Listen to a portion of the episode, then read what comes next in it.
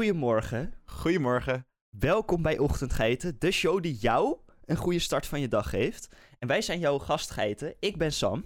En ik ben Jeroen. En nu gaan we het hebben over dingen die licht geven. En uh, dat gaat over het algemeen over geo chemoluminescentie.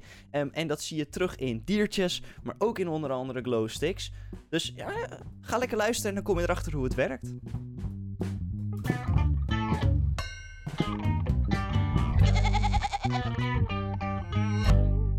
Nou, licht is elektromagnetische straling in het frequentiebereik dat waarneembaar is voor het menselijk oog. Ja, dat is een beetje de betekenis van het, van het ding waar we het vandaag over gaan hebben. Nou, we gaan het meer hebben over de dingen die licht geven. Dus die ervoor zorgen dat die elektromagnetische straal zo frap in je oog komt. En uh, er zijn ook bepaalde dieren die dat die dat kunnen op een hele coole manier. En Sam, daar wil jij het uh, over gaan hebben. Ja, absoluut. Het is echt een... Ik heb hier altijd, ben ik hier al gefascineerd door geweest. En ik zal het ook nooit 100% begrijpen. Ik kan het helemaal aan me uitleggen, maar ik snap gewoon niet dat evolutie tot dit punt is gekomen.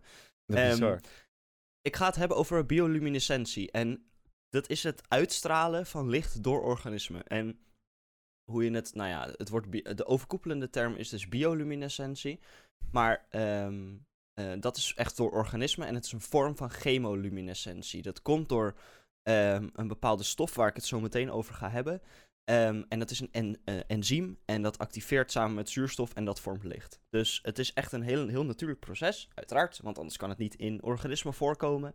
Um, maar het, ja, het werkt echt op een hele aparte manier. Het komt voor bij bepaalde bacteriën, maar is ook wijdverbreid bij diepzeebewoners zoals vissen en vooral bij ongewervelden zoals inktvissen, kwallen, koralen en plankton. Uh, op het land kunnen verschillende schimmels en insecten licht geven. Um, nou ja, dat, dat kennen we ook wel. Um, maar wat ook wel interessant is, is dat hogere organismen die uh, leveren in symbiose met bacteriën. En die bacteriën die zitten in, de in speciale organen van de gastheer een beetje licht te produceren. Dat is ook wel, uh, vind ik ook wel grappig. Ja, um, vet. Een, bekende, een bekend voorbeeld van bioluminescentie is het zomers uh, optredende verschijnsel van zeevonk. Ook wel het oplichten van de zee. Uh, S'avonds en s'nachts na een warme, zonnige dag. Um, en dat lichtverschijnsel wordt veroorzaakt door een eencellige ook wel de Noctiluca scintilans genoemd. En uh, dat, is, dat is een lekker beestje wat daar zit viben in de zee, op, op het zeeoppervlak. En um, ja, die, die, die heeft dus een vorm hiervan. Dat heeft iedereen wel eens een keer gezien, uh, denk ja, ik. Die, die filmpjes daarvan, het is echt wel bizar. Zo niet, dan uh, zie je er nog even eentje in de show notes langskomen. Dus ga die zeker kijken. Ja, of ga gewoon, als je de kans hebt, naar het strand in de zomer. En dan aan het einde van de dag is er een grote kans dat je het gaat zien. Als het een mooie warme dag is. Ik heb het nooit in het echt gezien. Niet? Oh. Nee. Je kan het best is dat een ik, ik dacht dat het een ding was dat je in andere landen kon zien, maar in Nederland dus ook. Um, ja, alleen het komt wel minder voor hier. Maar je zou het uh, het beste in warmere landen kunnen zien. Want hoe hoger ja. de temperatuur, hoe meer die eencellige voorkomen. Oké. Okay. Cool. Um, en dan, ja, wij hebben het gewoon niet echt... Wij hebben het wel eens warm, maar niet zo consistent genoeg voor die beestjes om echt een heel feest te gaan geven op de oppervlakte van de zee. hele lichtshow. ja, precies. Um, een heel bekend voorbeeld van een van de organismen die dit licht zelf geeft, is een vuurvlieg. Um, en vuurvliegjes uh, samen met uh, kniptorren en glimwormen, um, ja, doen zij dit. En uh, allemaal hebben ze een ander lichtkleurtje. Vuurvliegjes een beetje geel-groen, kniptorren een beetje groen-oranje en glimwormen een beetje rood. En um, nou is het zo dat glimwormen, um, dat zijn wel mooie beestjes trouwens, ze lijken een beetje op rupsen. Um, en de vormen familie binnen de kevers, maar ze staan ook wel bekend onder de naam vuurvliegjes. Alleen de worm is de larve van de vuurvlieg. over de hele wereld komen ongeveer 2000 soorten voor. Uh, er worden ook regelmatig nieuw ontdekt. en ja, minder bekend is dat de glimwormen zelf uh, zijn dus wel echt kevers en geen echte wormen of vliegen. Um, nee.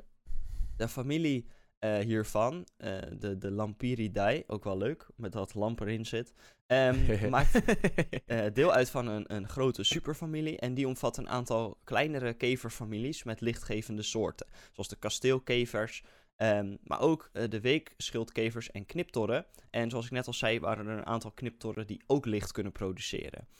Ehm, nou, vuurvliegjes hebben we ook allemaal wel eens gezien. Als we ze niet in het echt hebben gezien, dan wel op een video of een foto of in een game of in een film of whatever. Super bekend. Ja, je ziet ze wel eens licht geven, maar je weet, ja, hoe ze er dus van dichtbij uitzien is, eh, ja, de vrouwtjes die zijn dikwijls dekschild en vleugelloos. Dus die zijn gewoon aan het chillen op de grond de hele tijd. En ja, zij hebben dus een soort van larfachtige uiterlijk. Eh, het is echter eh, ja, niet zo goed dat vrouwtjes helemaal niet doorontwikkelen. Bij sommige, vooral sala- salamanders. eh, zo, sorry, zoals bij sommige salamanders, ja. Want sommige salamanders die zijn gewoon aan het spartelen voor hun hele leven. Maar er zijn, dat vind ik wel grappig, dat die vrouwtjes, die zijn eigenlijk helemaal niet heel erg vliegende. Het zijn eigenlijk de mannetjes die je ziet vliegen. Ja, ja die vrouwtjes zitten- tot die vliegende mannetjes. Ja, ja, ja. en die, die, die zitten dan een beetje rondzweven van, haha, zie mij. Ehm, Ja, zo zijn ze. Eh, wat wel cool is, nog wel leuk om te vertellen, is dat volwassen exemplaren gebruiken lichtsignalen om elkaar op te sporen tijdens de voortplanting. Bij sommige soorten lokken de vleugeloze eh, vrouwtjes de vliegende mannetjes met een constant schijnsel. Om het schijnsel van de vrouwtjes goed te kunnen lokaliseren, hebben mannetjes dus beter, eh, veel beter ontwikkelde ogen dan vrouwtjes. En bij andere soorten maken mannetjes hun aanwezigheid bekend met een soort specifieke flitscode. De wijfjes of de vrouwtjes antwoorden hierop met een soort specifiek flitssignaal. En mannetjes synchroniseren onderling hun codes om zo gemakkelijker op te vallen. Hoewel het vrouwtje bizar. maar met enkele van hen zal paren. Dat is bizar. Ehm, en een groot aantal die ook op de, eh, tijdens de dag actief zijn, gebruiken geursignalen, eh, pheromonen. Eh, logischerwijs, want dan is het licht minder goed zichtbaar. Eh, maar er is ook een overgangsgroep die allebei gebruikt. Zowel licht als geur.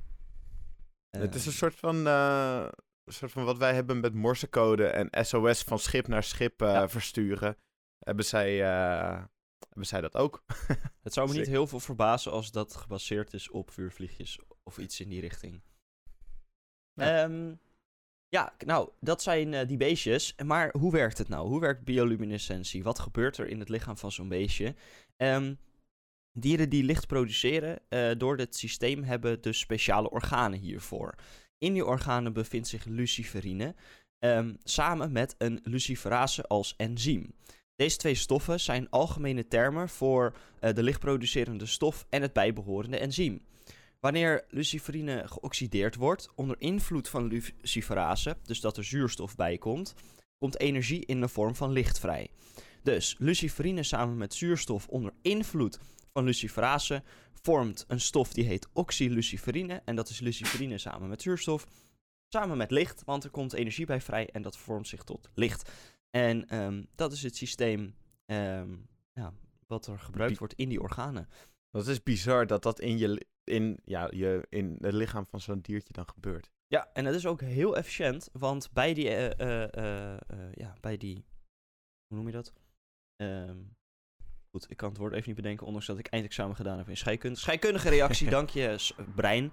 Ehm, bij die reactie komt bijna alle energie die vrijkomt, die wordt omgezet in licht. Dus het is echt super efficiënt. Ehm, En omdat er alleen zuurstof bij hoeft te komen, bij de stoffen die al in de organen zitten, ja, is dat Oh ja. super makkelijk voor dat beestje om, eh, om te maken. Cool.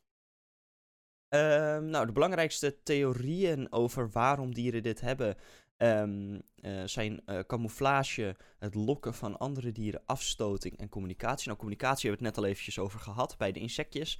Mhm. Ik vind die eerste raar. Camouflage. Camouflage. Ja, Ja. er zijn een heleboel ehm diepzeedieren die licht uitzenden om onzichtbaar te worden. Ehm, dat is paradoxaal, als je dat zo ja, zegt. dat is heel paradoxaal. Ehm, maar wanneer ze geen licht uit zouden zenden, zouden ze van onderaf gezien eh, eh, als een donkere vlek eh, zichtbaar zijn. En de dieren zouden dan het licht van de Ah. zon, maan of sterren tegenhouden. Maar Ja. doordat ze zelf licht uitzenden, is er geen donkere vlek meer te zien. Dus kan het dier niet gezien worden door roofdieren. ja, precies, van onderaf inderdaad. Wauw, Ehm, dat is cool.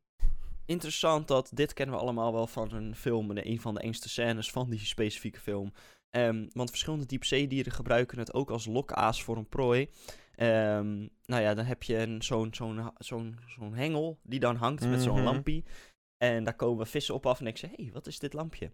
En dan is daar in één keer een hele grote mond die hap doet. Ehm, Ja, ik denk dat we allemaal wel, eh, wel die jeugdtrauma hebben. Zo, man. Ik denk dat daar oprecht mijn thalassofobie onder andere vandaan komt. Want dat is echt, echt, echt een enge scène. Kan ik me voorstellen. Ehm, er is ook een haai, een bepaald soort haai. En die heeft een eh, plekje op de buik die licht geeft. Nou zeg. Ja, Ehm, sorry.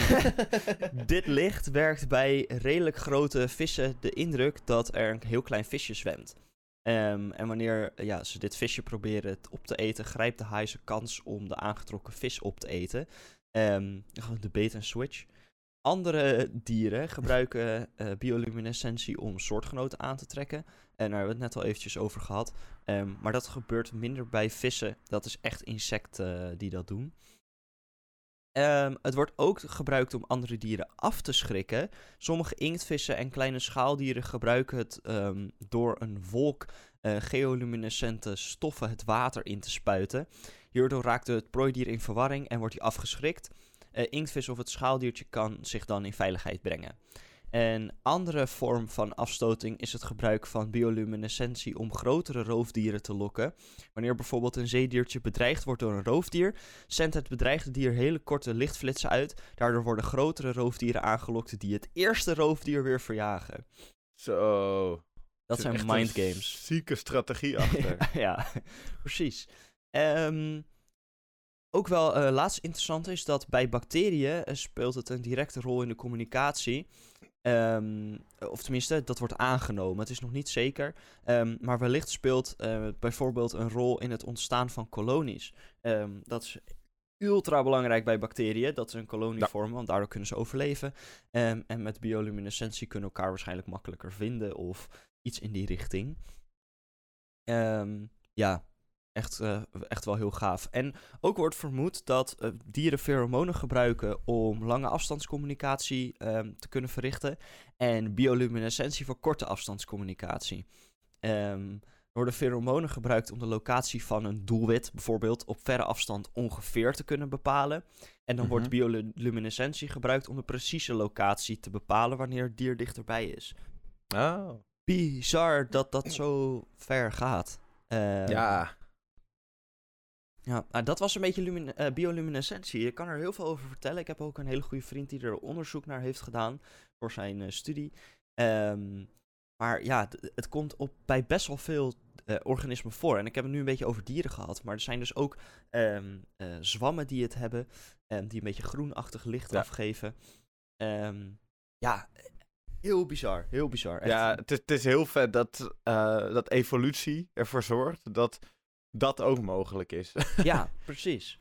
Echt bizar. Bizarre Ah. uitstapje in evolutie. De vreemdste dingen, we hebben het ook al een keertje eerder over een, een, een, een, een, spring, een soort springhaan gehad. Die had een, of heeft ja. Een, een, een soort tandwielachtig systeem in zijn achterpoten zitten, zodat hij altijd recht kan springen. Weet je, dat Ja. soort dingen. Dat is echt bizar. Ja, het is echt bizar. Als je daar naar gaat, over na gaat denken, hoe is dit in, vredesnaam allemaal zo eh, geëvolueerd? Dat hebben we toch een leuke podcast eigenlijk. Om daarover te lullen. hè? Ja, precies. Toch wel. Zo kom je toch weer achter allemaal leuke dingetjes. Precies. Ehm, zoals ehm, wat je lekker kan eten. En ehm, wat je onder andere lekker kan eten zijn brownies. Maar wat ook lekker is, zijn blondies. En ik hou heel erg van pindakaas, zoals algemeen bekend is. Ik denk ook wel bij de luisteraar. ja.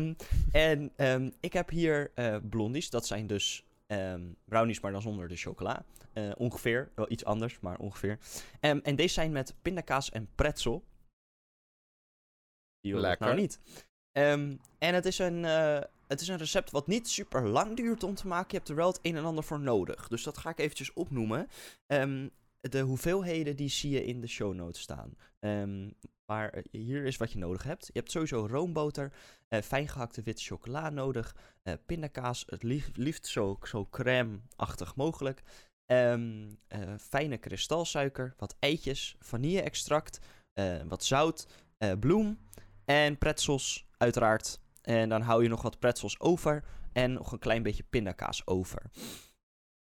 Ehm, dan verwarm je oven voor op 210 of 190 graden als je hete lucht hebt. Dan pak je een bakvorm, daar gooi je wat bakpapier in. Ehm, dan stop je eh, de roomboter samen met de witte chocola in een stil pannetje. Dan laat je op laag vuur langzaam smelten en goed, dat moet je goed roeren, anders gaat het aanbranden. Eh, het mengsel mag niet te heet zijn, eh, dus je kan het ook even eraf halen om het te laten afkoelen. Ehm, dan zet je het vuur uit en dan roer je je pindakaas er doorheen. Ehm, dan stop je suiker in een mengkom en roer je dat met je eitjes, vanille-extract en zout. Dan voeg je al roerende je chocola chocolademengsel eraan toe. En dan meng je dat tot een glad geheel. Ehm, dan voeg je je bloem toe en roer je dat heel goed door elkaar totdat je een dik beslag krijgt. Ehm, dan als laatste doe je eh, ehm, de eh, pretzels erbij. Je moet in grove stukken er doorheen doen.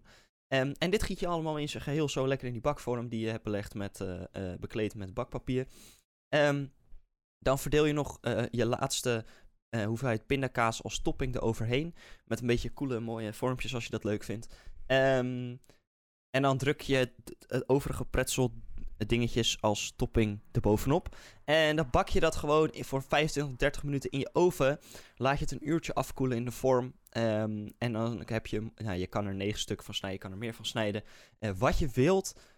Maar dit is toch wel verdorie lekker. Dat klinkt ook wel echt heel erg lekker, inderdaad. Ja, ehm, dus zeker aan te raden. Ehm, en dat is weer eens wat anders dan een brownie. Ja, precies. Lekker gelaagdheid met verschillende smaken Ja, en en lekkerheden. weer, weer een excuus om pindakaas te eten. En Ja. in, in pinda- pindakaas natuurlijk Ja, ook jouw beetje- leven is een excuus om pindakaas te eten. Bijna wel, ja. je hebt... eh, natuurlijk, pindakaas is al een beetje, wel een beetje zoutig van zichzelf. Ehm, maar de pretzels brengen die smaak nog veel meer naar boven. Ehm, en ja, de, de, de smaken komen echt puur van de pindakaas en de, en de pretzels. En dat vind, ik, dat, vind ik, dat vind ik leuk. En uiteraard de chocola, maar dat hoort erbij. Ehm, want het zijn blondies. Het is gewoon een brownie met witte chocola. Dus dat is, weet je... Het mooie is ook, eh, pindakaas is, zoals we in de vorige aflevering over noten hebben besproken, is zijn pinda's goed voor je. Ja, zeker. En Pindakaas is ook goed voor je. Als je nou pindakaas koopt waar geen suiker in zit, is het nog veel Ja. beter voor je. Zekers. En dan ga Dus, dan niet eh, pindakaas dus light gezond. kopen, want daar zit vaak wel suiker in en in de normale niet. De light heeft alleen maar met het vetgehalte te maken. Dus Ja. gewoon op de verpakking kijken. De meeste pindakaas zit geen suiker in, maar een heleboel wel. Ehm, dus als je kijkt eh, even op het potje, dan, eh, dan weet je het. Lekker man. Onze algemeen bekende Calvé heeft geen suiker. Ehm, dus dat is Fijn voor ze. een tip. Zijn wel Ja. duur, maar ja. Ehm wel Hoort lekker. erbij. Hey, Lekker. ehm, dan, Ja, ik, eh, diertjes ik- die, die, die geven eh, zelf licht eh, soms. Sommige dieren geven soms zelf licht voor verschillende functies. Maar nou vinden wij dat als mensen ook wel eens leuk om te doen. Ehm, Ja. En daar heb jij het een en ander over. Precies, precies, precies. Want ik wil het even hebben over glow in the dark. Het is namelijk... In mijn brein is glow in the dark iets wat... Waarvan ik denk, hè, hè, hè, hè? En dan, ja, dan ga ik me dit, dat soort dingen afvragen. Dus eh, het is gewoon iets wat licht geeft uit zichzelf. Wanneer er niet iets is wat verder licht geeft. Dus bij mij gaan er al gelijk een paar vraagtekens en uitroeptekens omhoog van... Hè, wat gebeurt dat? Hoe, hoe kan dat nou? Nou ja, licht is dus eh, bepaalde energie die met fotonen wat lichtdeeltjes in je ogen komen en waardoor je dus eh, het licht kan zien. En ja, glow in the dark is dus iets wat licht opslaat en daarna weer uit kan stralen. Maar dan nog steeds, hoe de fuck werkt dat? Nou, eerst even naar de definitie van glow in the dark. Het is namelijk een effect wat optreedt wanneer een stof licht opneemt en dit licht vervolgens langzaam weer afgeeft in het donker. En dit effect wordt ook wel fosforescentie genoemd. Eh Glow-in-the-dark materialen bevatten stoffen die bekend staan als fosfors. Deze fosfors worden blootgesteld aan licht, zoals zonlicht of kunstmatig licht, en absorberen dan de energie van dat licht. Uh, deze energie zorgt ervoor dat elektronen die in fosfor, uh, fosfors naar een hoge energietoestand worden gebracht. Uh, wanneer het licht uitgaat en de fosfors niet langer de energie ontvangen, beginnen de elektronen terug te vallen naar hun oorspronkelijke energietoestand. Dus het was eerst A, daarna ging het naar B doordat er licht bij kwam. Maar nu het op B zit, wilt het weer heel, heel erg terug naar A. Dus ze gaan zich weer terug bewegen op het moment dat ze geen licht ontvangen. Bij deze overgang komt energie vrij in de vorm van licht, wat resulteert in het oplichten of dus gloeien van het donkere materiaal. Natuurlijk. Ja, het is echt bizar. Het is echt bizar hoe dat werkt in de natuur. dat is gewoon weer iets wat stoffen zelf kunnen. Ja, natuurkunde moment. Um, ik, ik heb uh, een setje uh, dobbelstenen voor Dungeons and Dragons die glow in the dark is. Um, Die zijn ook wel heel gaaf. En dan moet ik inderdaad ook eerst licht erop schijnen. En dan geeft het een tijdje licht. Ja, ja het, is echt het, het is echt die energie dus, die wordt opgeslagen. Maar dus, dat is dat uh, het gewoon heel graag naar zijn normale energietoestand wil. Ja. Echt bizar. Uh, er zijn verschillende soorten fosfors die kunnen worden gebruikt om glow-in-the-dark effect te creëren. En elk type fosfor heeft zijn eigen unieke kenmerken en kleuren. Dus wil je iets van glow-in-the-dark gaan maken, let nu op, want ik ga nu de fosfors benoemen met wat het effect daarvan is. Uh, de eerste die ik ga benoemen is de zinksulfide. En dit is de meest gebruikte type fosfor in glow-in-the-dark producten. Het kan een groen of blauwachtig licht uitstralen. En dat is afhankelijk van de aanwezigheid van bepaalde materialen in de fosfor. Dus dat is degene die inderdaad de meeste mensen herkennen van... oh, er geeft iets een beetje een groen of blauwachtig licht. Sulfide komt van fosfor, voor de duidelijkheid. Het is bijna hetzelfde, maar het is een iets andere vorm ervan. Om het makkelijk uit te leggen. ja, ja. Uh, je hebt daarnaast ook nog strontiumalumnaat. En dit type fosfor wordt vaak gebruikt in hoogwaardige glow-in-the-dark producten. het heeft een sterke uh, fosforessentie. Uh, ja, meer, nog meer dan sulfide. En kan daardoor ook langer oplichten. En het kan blauw, groen of witachtig licht uitstralen. daarnaast heb je ook nog antaniumoxide. Uh, dit type fosfor kan een oranje of roodachtige licht uitstralen. Het is echter minder fel dan zinksulfide of strontium aluminaat. Ja. Uh, daarnaast heb je ook nog Copper Activated Zinksulfide. Lekker man. Dit type fosfor heeft een helder groen licht af. En dat is nog veel helder dan de normale zinksulfide. En als laatste heb je ook nog siliciumdioxide. En dit type fosfor kan een blauw of roodachtig licht uitstralen, afhankelijk van de gebruikte materialen en de omstandigheden. En het wordt meestal gebruikt in uh, kunst, kunststoffen en in coatings. Dus dat is very nice. Ja, cool. Uh, Ik denk dat dat ook de soort is die in mijn dobbelstenen zit. Ja, want het zit er dan echt, echt in, inderdaad. Oh. En als het... Ja, merk je dat die jouw uh, blauw of roodachtig licht uitstralen? ze zijn blauw. Kijk, ze zijn gewoon blauw. Alleen uh, op het moment dat je er dan licht op schijnt, dan blijft het hetzelfde blauw. Alleen dan glow in the dark. Sick.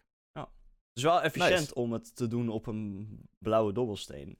Dat is, ja. heb ik eigenlijk nooit zo over nagedacht. Maar dat, dat heeft dus ook te maken met de kleur. Ja, precies. Want sommige kleuren, daar kan je het helemaal niet bij doen. Bijvoorbeeld roze is voor mij niet langsgekomen. Ik denk dat je niet echt iets roze glow in the dark kan maken. Ja, Aan de andere kant, met een combinatie ze kunnen van vast wel iets vinden. Ja, ja absoluut. Precies. Geel, die is, heb ik ook niet lang zien komen. Nee. Nou ja. Maar het moet kunnen, want ja, uh, diertjes kunnen het. Dus ja. alles wat de natuur kan, kunnen wij reproduceren. Bijna alles wat de natuur kan, kunnen wij produceren als, reproduceren ja, als mens. Precies, maar dan niet in de vorm van een glow in the dark zoals, glow in the dark, uh, zoals we glow in the dark kennen op dit, op dit moment. Nee. nee, je kan het niet echt goed zien op camera, maar hij geeft nu licht. Lekker, lekker, lekker. Nou, de, de keuze van het type fosfor, dat hangt dus af van het gewenste kleureffect, de sterkte van het glow in the dark effect en hoe, ja, hoe lang je wilt dat die fosforessentie duurt. Uh, fabrikanten van glow in the dark producten kiezen vaak voor vaak een specifiek type fosfor op basis van hun eigen productieproces en de gewenste specificaties voor het eindproduct. Dat is ook logisch inderdaad. Ja. En over het algemeen geldt dan ook hoe meer licht een fosfor absorbeert, hoe langer het kan vasthouden. Uh, hoe helder en hoe langer het glow-in-the-dark effect zal zijn. Dus wil je iets lekker glow-in-the-dark maken, ga er zoveel mogelijk en zo lang mogelijk ja, licht op afsturen. Nice. Dus dat, dus dat is een beetje in de notendop hoe glow-in-the-dark in elkaar zit. Uh, nu vond ik ook nog wel iets anders interessant om uit te zoeken. Want dat zijn. Uh, wil je trouwens nog iets meer zeggen over Glow in the Darks? Want nee, ga ik lekker door naar de volgende. Want wat ik ook heel cool vind, dat zijn glow sticks. En soms heb je wel eens van die feesten waarbij een neon thema is. En dat vind ik persoonlijk helemaal top. Uh, ja, dan gebruik je die glow sticks daarvoor, want dat geeft een beetje dat neon effect en dat maakt dat al helemaal top. Het geeft licht, activeer monkey brain. Het geeft licht. maar dat, dat is leuk, want dan is het donker en dan allemaal lichtdingen en dan gaan mensen gaan daar inderdaad goed op. ja. dat is echt heel grappig. Uh, zo was ik ook een paar maanden geleden naar zo'n feest waar, ja, en daar had ik ook van die mooie stickies en toen heb ik mezelf best wel vaak de vraag gesteld: hoe werkt dit nou weer? Wat, wat, wat is dit nou weer? Waarom, waarom kan je iets knakken wat eerst geen licht geeft en dan geeft het ineens wel licht? Dus toen ben ik dat ook op gaan zoeken, eh, zoals ik dat doe en zoals waar ik ook een podcast voor heb. Ik heb een gok. Ik, ik wil een gok doen. Oké, ja, is goed. Er zit chemische stof in. Um, ja. En op het moment dat je knakt, komt er een, een, een plotselinge nou ja, vorm van energie in. En dat is genoeg om de stoffen met elkaar te laten reageren. Um, om uiteindelijk licht als eindproduct van de chemische reactie te krijgen. Ja, ja, ja. ja. Nou, het is niet, het is niet zo dat er. Ja, oké, ja, het is wel dat er heel veel energie inderdaad inkomen. Het is inderdaad wat je zegt, doordat twee stoffen bij elkaar komen, uh, komen komt er energie vrij. Uh, dat heeft niet, niet per se iets met het knakken zelf te maken. Uh, daar, daar ga ik het zo over hebben hoe dat precies in elkaar zit. Maar het is inderdaad dat uh, die twee, doordat ze met elkaar reageren. Dus met sommige buisjes kan het bijvoorbeeld ook zijn wanneer, de mee, wanneer je hard mee geschud wordt of iets dergelijks. worden deze twee stoffen gemengd. En deze twee stoffen reageren dan met elkaar. Ja, ja. En die twee stoffen die met elkaar reageren, dat zijn waterperoxide en het is een fluoriserende uh, kleurstof.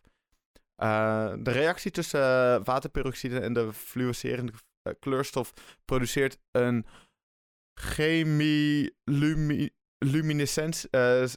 chemiluminescente reactie. Dus wat je inderdaad net met bioluminescentie heeft, heeft dit chemiluminescentie. chemoluminescentie is de overkoepelende term en bioluminescentie is een vorm daarvan. Oh. Die in de natuur oh ja, want dat, dat, die in... Ja, oké, oké. Nou, dat dus. En dat betekent dus eigenlijk dat er inderdaad licht vrijkomt in uh, als gevolg van een chemische reactie. Zoals we net ook al inderdaad bij de bio hadden besproken. Je hebt gelijk, Sam. Uh, de reactie produceert een zeer energieke verbinding genaamd peroxycarbonzuur. Deze verbinding uh, valt in ja, snel uiteen, waardoor enige vorm van licht wordt vrijgegeven. De fluoriserende kleurstof in de glowstick fungeert als een katalysator om de chemische reactie te starten en het licht uit te stralen. De kleurstof absorbeert uh, de energie die vrijkomt bij de reactie tussen water, uh, waterstofperoxide en per, Jezus, peroxycarbonzuur. En geeft deze energie vervolgens vrij in de vorm van zichtbaar licht. De kleur van het licht dat de glowstick, glowstick uitstraalt hangt heel erg af van de gebruikte fluoriserende vloeistof die erbij zit. Het buigen of schudden van de glowstick uh, breekt uh, de kleine glazen buitje, buisjes die binnen in de grote plastic buis zitten. Dus het zit eigenlijk een soort van van elkaar gescheiden door hele kleine gla uh, glazen buisjes. En deze glazen buisjes die bevatten een andere chemische stof genaamd fileendiamide. Diamine. Deze stof reageert met het peroxycarbonzuur, waardoor het licht van de fluorise- fluor- fluoriserende kle- eh, kleurstof produceert en langer en helderder blijft branden. Dus het is eigenlijk inderdaad, dat zijn, het zijn gewoon een aantal chemische stofjes. Gewoon, je knakt het. Dat zorgt ervoor dat die, dat, dat glazen buisje wat in je langere plastic buis zit, dat die kapot gaat. En doordat alles wordt gemengd met elkaar daar, eh, ontstaat er die, eh, ja, die energie die daarbij vrijkomt bij die menging. Dat zorgt er dus voor dat je, dat je dat als licht naar buiten gestraald wordt en dat je dat uiteindelijk in je oogballen kan opvangen. Dat is ook eigenlijk veel logischer dan wat ik zei. Want als je door zo'n knak al genoeg energie kan veroorzaken om twee stoffen die al in aanraking zijn te kunnen laten reageren met elkaar, dan zou het schudden tijdens het transport ervan ook al genoeg zijn. Dus dan Ja. is het inderdaad wel mogelijk om een scheidingswand te vormen, zodat het niet al in contact komt. Want dan is de minst geringste vorm van beweging al genoeg om het, om, Ja. om het te laten reageren met elkaar. Dus dit is, dit is, ja, dit is veel Dus- logischer. En het is natuurlijk ook wanneer je het, eh, wanneer je het door de energie zou doen, dan zou het denk ik ook best wel snel zou het, eh, stoppen met schijnen. Omdat je dan maar even een kleine boost hebt van energie. Ja, dan kan er natuurlijk voor zorgen dat het als kettingreactie helemaal aangaat. Maar ik geloof no- de manier zoals het is, dus inderdaad met dat de stofjes met elkaar zou reageren doordat ze bij elkaar komen, dat zorgt ervoor dat het gelijkmatig gebeurt. Dus dat het op die manier veel langer mee kan gaan. Ja. Denk ik. Ik ga wel even een disclaimer geven. Ehm, niet per se omdat ik vind dat eh, mensen van onze leeftijd dat moeten weten, maar toch ga ik het zeggen. Ga nou niet zo'n glowstick openmaken. Want Nee, nee. waterstofperoxide en peroxycarbonzuur en al andere dingen die erbij komen kijken die we hebben genoemd, zijn niet zo goed voor je. En Nee. daar moet je ook niet meer iets mee gaan doen. Ehm, dus ja, doe dat alsjeblieft je- niet. Je, je, kan- ze heel goed gebruiken en ze zijn ook amper stuk te krijgen. Maar als je, als je het even wilt doen met een schaar of iets dergelijks, of echt uit elkaar wilt trekken, gewoon niet. En al helemaal niet eten, want dit kan ja, leiden tot irritatie van de mond, van de keel, van de maag, van de darmen. Het kan leiden tot braken, misselijkheid, buikpijn en diarree. Ja, en de stoffen zijn ook niet goed voor de natuur. Dus als je ze stuk maakt en ze lopen er gewoon uit en ergens, je bent ergens buiten, dan is het ook gewoon, is gewoon, is gewoon niet fijn.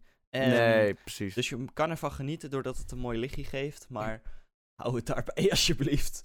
Ja, precies. En mocht, mocht het op een een of andere hele gekke manier wel in je mond komen. Nou, het wordt niet als giftig beschouwd, maar ja, mocht het in de mond terechtkomen, dan kan het een chemische brandwond veroorzaken. Ja. En dit kan leiden tot verstopping van de luchtwegen als het Ja. wordt ingeslikt.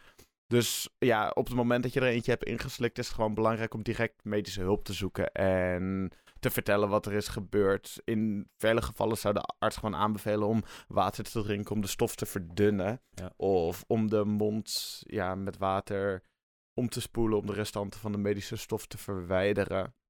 Eh, maar ja, het kan dus ook verder gaan dat, dat je echt een medische, eh, medische behandeling moet ondergaan. Maar dat hangt heel erg af van de ernst van de reactie met dus je keel en je slokdarm. Ja, dus niet doen. Dus, dus gewoon niet doen, inderdaad. En het klinkt, als ik dit allemaal zeg, klinkt het alsof ik weet waar ik het over heb. Ga naar de, de arts gaat dit zeggen. Nee, dit is gewoon iets wat ik, waar ik research naar heb gedaan.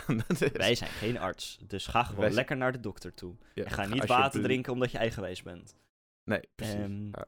Nou, hebben we die disclaimer gehad. Ehm, wil jij nog wat kwijt over lichtgevende stokjes? Nee, eigenlijk niet. Het is, het is gewoon top. Ja. Wel mooie dingen, jongen.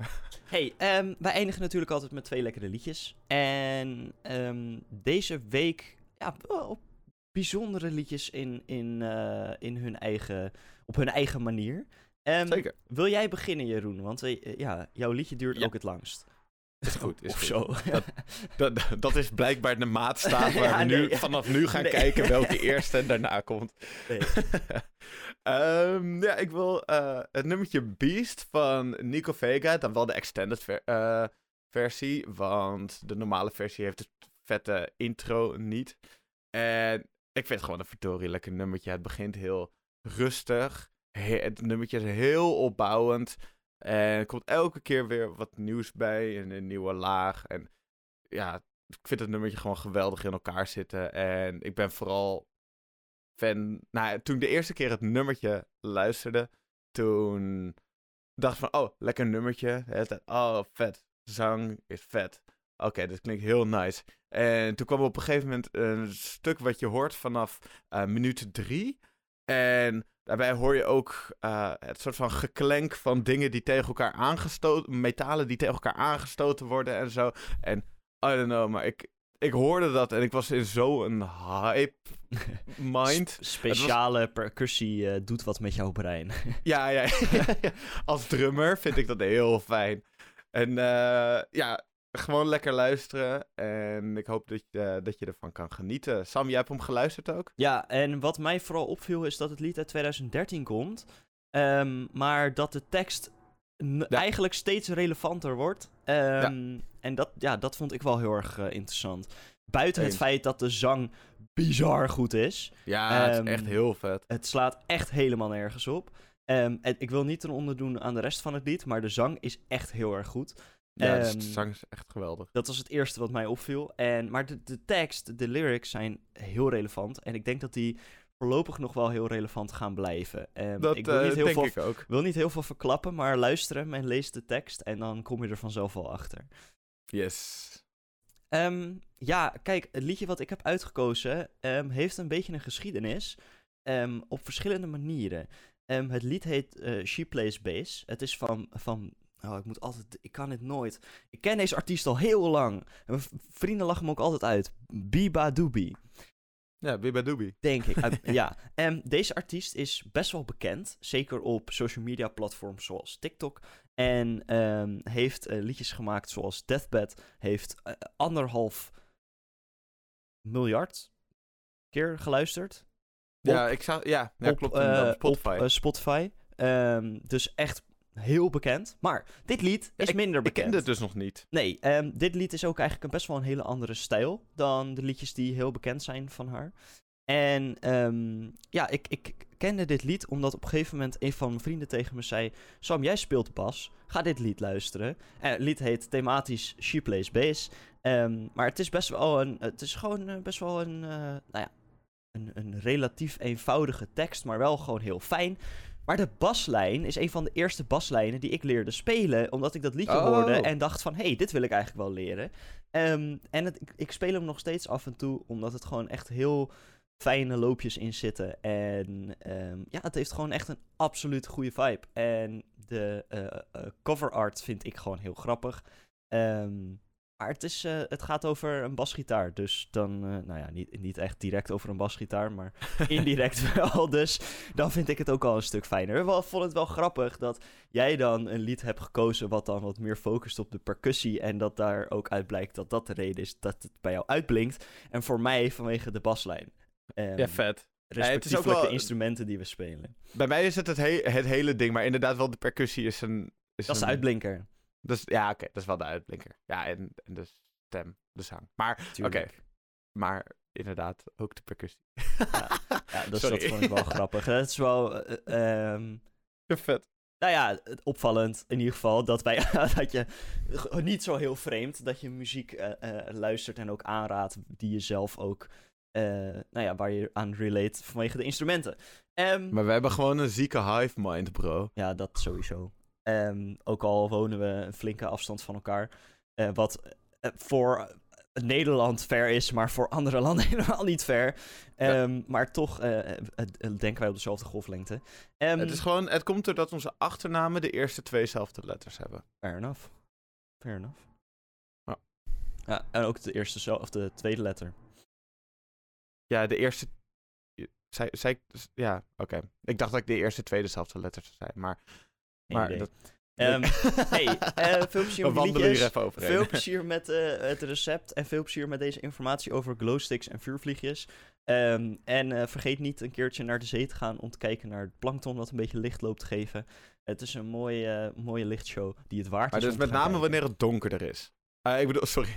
no, met, shit, met, Sherlock. Met, met name wanneer het warmer is. ja, als het, het moet echt warm en zonnig zijn. Want het zonlicht zorgt er dus ook voor dat die beestjes het licht gaan geven. Ehm, en door de warmte gaan ze aan de oppervlakte zitten. Dus, ehm, lekker doen. En veel plezier. Ja. En eh goede week. En eh, tot de volgende keer maar weer. Doei doei.